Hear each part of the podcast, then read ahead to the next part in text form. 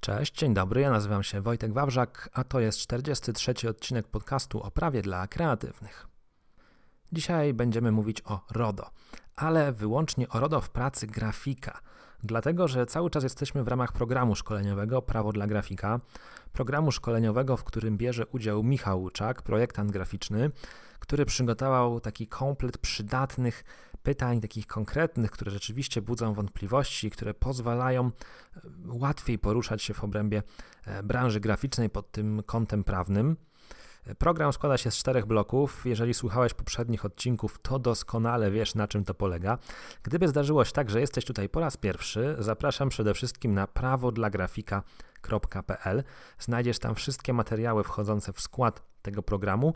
Znajdziesz tam również bonus dla uważnych, zupełnie nieodpłatne 5 dokumentów przydatnych w pracy grafika, jak i pakiet dla grafika, który jest już odpłatny, ale który pozwala Ci w jednej cenie zdobyć, takich, zdobyć taki komplet przydatnych dokumentów, które możesz ze spokojem wykorzystywać w swojej codziennej pracy, zawierając umowy, wzywając do zapłaty, czy też wdrażając RODO.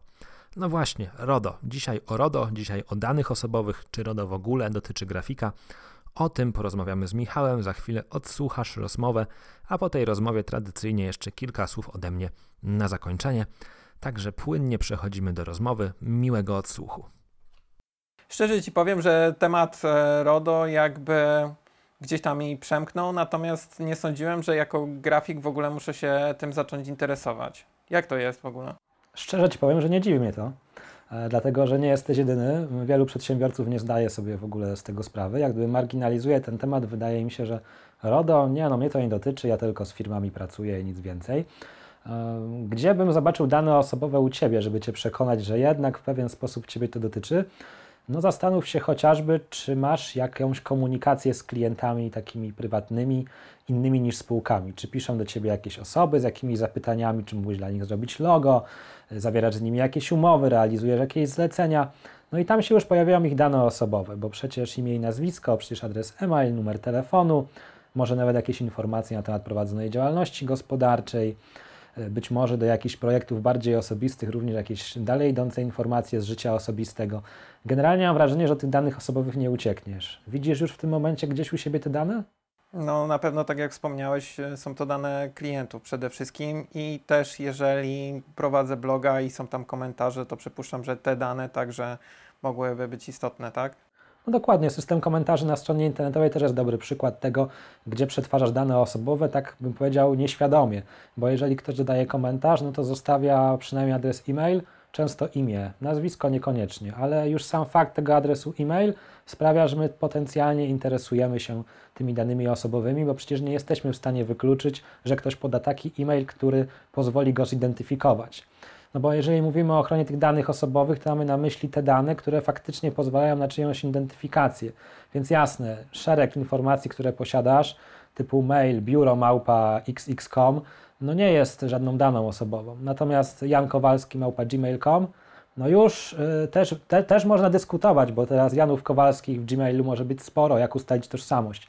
Ale jeżeli klient korzysta z Twoich usług i Ty wiesz, że to jest Jan Kowalski, podaje Ci adres do wystawienia faktury, łączysz go z mailem i masz całe spektrum danych osobowych, więc de facto niewątpliwie te dane osobowe przetwarzasz.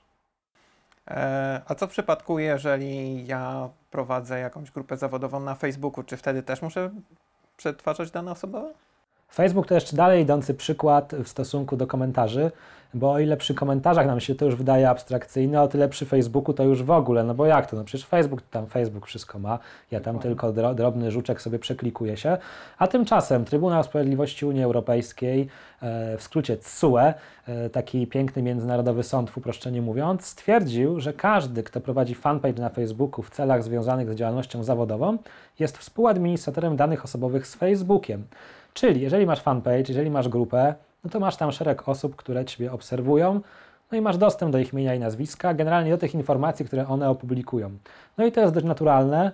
E, to wydaje się, że w ogóle nie podlega żadnej regulacji, ale jednak, jeżeli już zajmujesz się wdrożeniem ochrony danych osobowych w swojej działalności, to jedną z czynności przetwarzania danych, jaką diagnozujemy, jest przetwarzanie danych w związku z social media. Więc jak najbardziej grupy na Facebooku to też jest dobry przykład. Ja często się spotykałem z tym, że są jakieś e, regulaminy, jeżeli dochodzi do jakichś konkursów na stronach na Facebooku. Wiesz, tam też pojawia się wątek danych osobowych, bo mm, każdy konkurs w sposób naturalny wiąże się z przetwarzaniem danych. W ogóle ciężko sobie wyobrazić konkurs, w którym można zgłosić uczestnictwo, a organizator nie wie, kim jest uczestnik. Więc każdy organizator konkursu przetwarza jakieś dane. I to też jest jedna z tych czynności przetwarzania, na które on musi zwrócić uwagę. Ciebie pewnie to do końca nie dotyczy, bo jako grafik pewnie tych konkursów nie organizujesz, bardziej mógłbyś uczestniczyć. Natomiast pod kątem danych osobowych w konkursach na Facebooku zawsze warto zwrócić uwagę na ten wątek informacyjny, czyli sprawdzić regulamin, sprawdzić w regulaminie, jakie są informacje związane z tym przetwarzaniem danych i też upewnić się, czy gdzieś w tym formularzu konkursowym na przykład nie ma dodatkowej zgody na marketing, czy też nie ma jakiejś zgody na przekazywanie danych do podmiotów trzecich.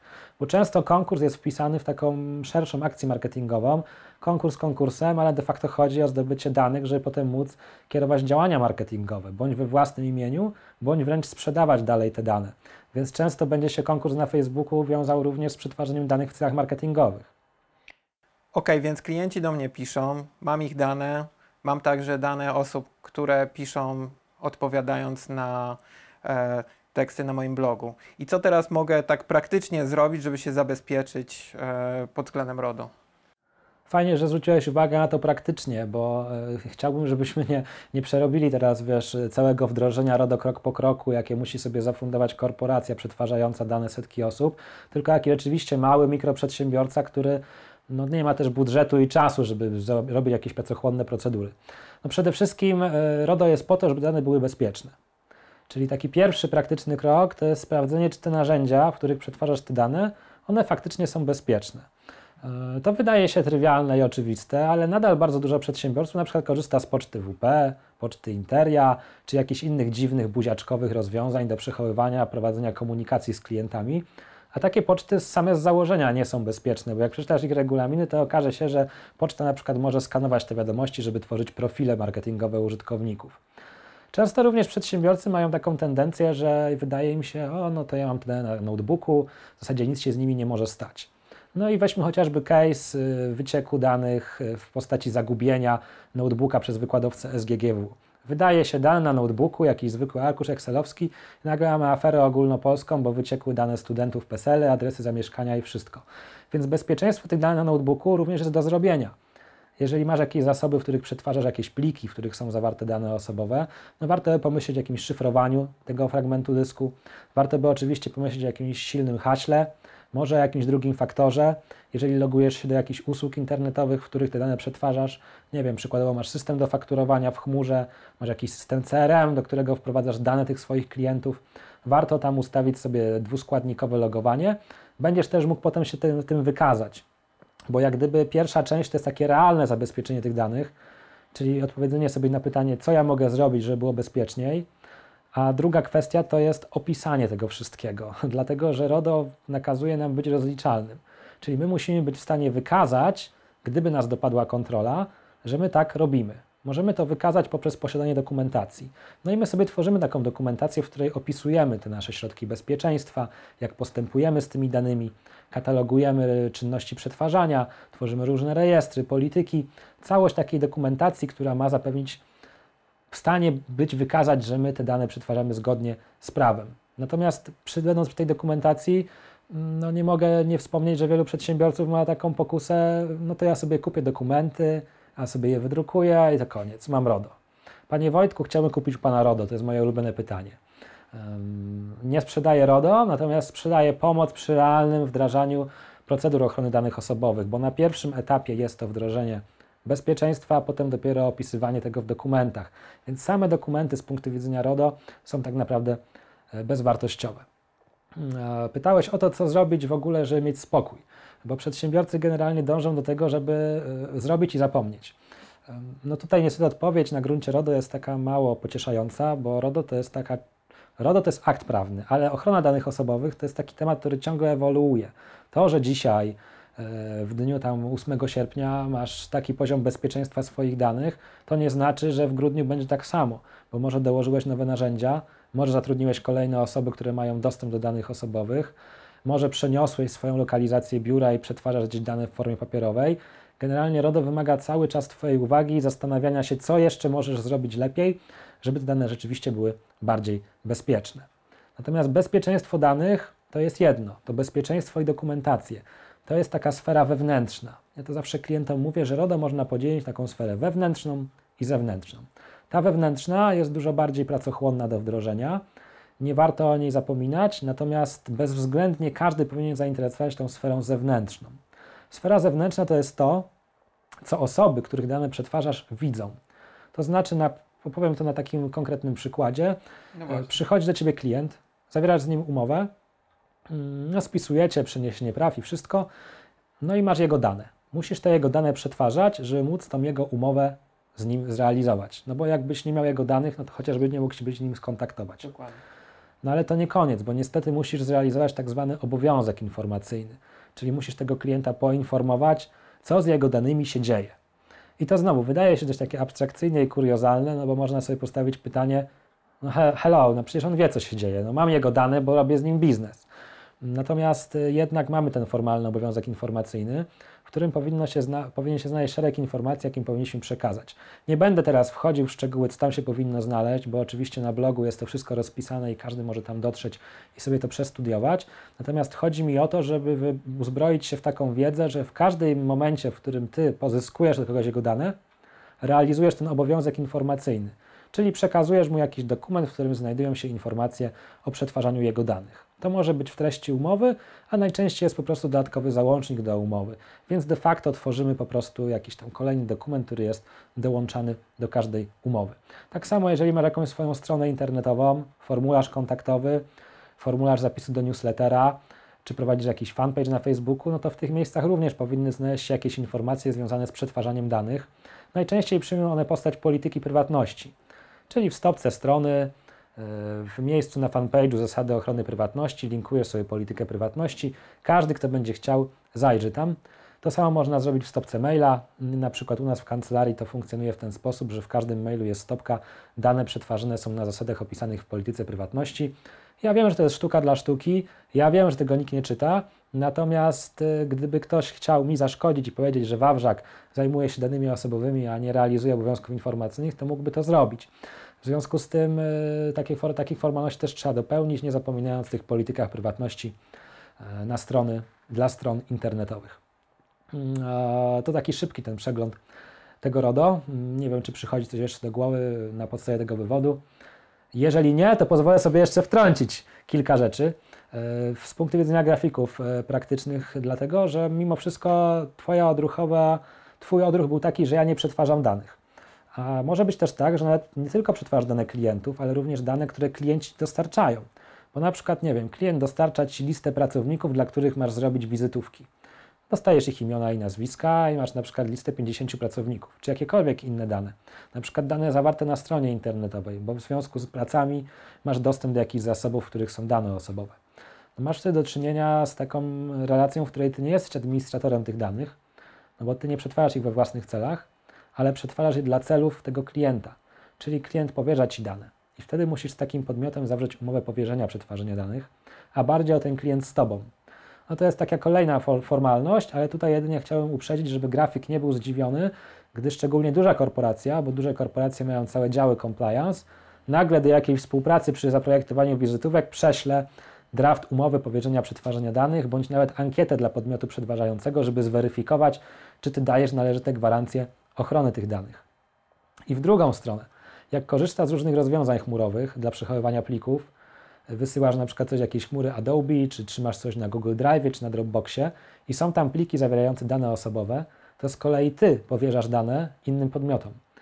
Ty masz dane swoich klientów, które przechowujesz, ale stwierdzasz, że chcę je przechowywać sprytniej, chcę mieć je w chmurze, więc się posłużę podwykonawcą. No i teraz ty z takim podwykonawcą musisz zawrzeć umowę powierzenia przetwarzania danych, żeby to znowu było formalnie i legitnie. Uf, i generalnie mam wrażenie, że jest tego mnóstwo. Mm, Jest dużo. Ale myślę, że nie będziemy wchodzić już w szczegóły, żeby też nie przytłoczyć odbiorców. Powiem tylko tyle, że oczywiście na blogu e, dostępne są materiały na temat RODO bardzo wyczerpujące i kompletne przewodniki i wycinkowo traktujące pewne zagadnienia, Również w tym pakiecie dla grafika będzie dostępny pakiet RODO, w którym każdy grafik będzie mógł e, sobie z tym RODO się uporać. Chyba, że ma jeszcze jakieś pytania, no to jest. No to może tak podsumujmy na koniec, e, co w kilku punktach powinien według Ciebie grafik zrobić, jeżeli chce być zgodny z RODO. Upewnić się, że dane są bezpieczne od tej strony sprzętowej, technicznej i organizacyjnej, stworzyć te podstawowe dokumenty, polityka ochrony danych osobowych, rejestr czynności przetwarzania i takie inne dokumenty formalne, no i ewentualnie zawrzeć te umowy powierzenia z narzędziami, w których dane osobowe się znajdują. I po prostu pamiętać, żeby raz na jakiś czas te dokumenty sprawdzić, czy są aktualne. No i te obowiązki informacyjne, yy, czyli to, co widać na zewnątrz. Takie bym powiedział, cztery podstawowe kroki. Okej, okay, dziękuję. No i jak podobała Ci się rozmowa z Michałem? Będę nudny i powtarzalny, ale po raz kolejny powiem, że ja naprawdę mam wrażenie, że ten program szkoleniowy jest mocno praktyczny, również pod kątem RODO, który jest takim tematem już trochę przeszarzałym, takim, który ludzi obrzydza, którzy uciekają od niego. Postarają się Michałowi tak w miarę przyjemnie i krótko opowiedzieć, co grafik pod kątem tego RODO powinien rzeczywiście zrobić. Jeżeli uważasz ten materiał za przydatny, podziel się nim ze światem. Powiedz swoim znajomym, udostępnij w social media, wyślij komuś maila w tej sprawie. Będę wdzięczny, bo zależy mi, żeby jak najwięcej osób mogło uzyskać dostęp do tych materiałów. Pamiętaj również, że na prawo dla grafika.pl znajdziesz nieodpłatny bonus dla uważnych oraz odpłatny pakiet dla grafika. Jeżeli odsłuchałeś wszystkie cztery odcinki, dziękuję Ci serdecznie za mega zaangażowanie mm, w ten program szkoleniowy. Jeżeli odsłuchałeś jeden, dwa, trzy, niezależnie jaką ilość odcinków, to i tak fajnie, że jesteś. Natomiast zachęcam Cię do odsłuchu i zapoznania się z całością, bo naprawdę to są dwie godziny materiału, które pozwolą Ci zdobyć wiedzę, za którą normalnie musiałbyś sporo zapłacić w ramach indywidualnych konsultacji. Jeżeli podobał Ci się ten program, zostaw opinię w iTunes, czy też po prostu nawet napisz do mnie po prostu na maila. Chodzi o to, żebym miał jakiś feedback od Ciebie, bo on zawsze cieszy, on też zawsze motywuje i pozwala się rozwijać. No bo gdyby zdarzyło się tak, że coś Ci się jednak nie podobało, to oczywiście również napisz. Tymczasem dziękuję Ci za uwagę mm, i zdradzę Ci już dzisiaj, że kolejny program szkoleniowy to będzie program szkoleniowy dla fotografów. Więc jeżeli masz coś wspólnego z branżą fotograficzną, bądź masz jakichś fotografów w swoim otoczeniu, no to możesz dać im cynk, że coś takiego się szykuje na bardzo podobnych zasadach jak prawo dla y, grafika. Jeszcze raz wielkie dzięki, że byłeś ze mną. No i do usłyszenia w kolejnym odcinku podcastu o prawie dla kreatywnych. Trzymaj się ciepło. Cześć.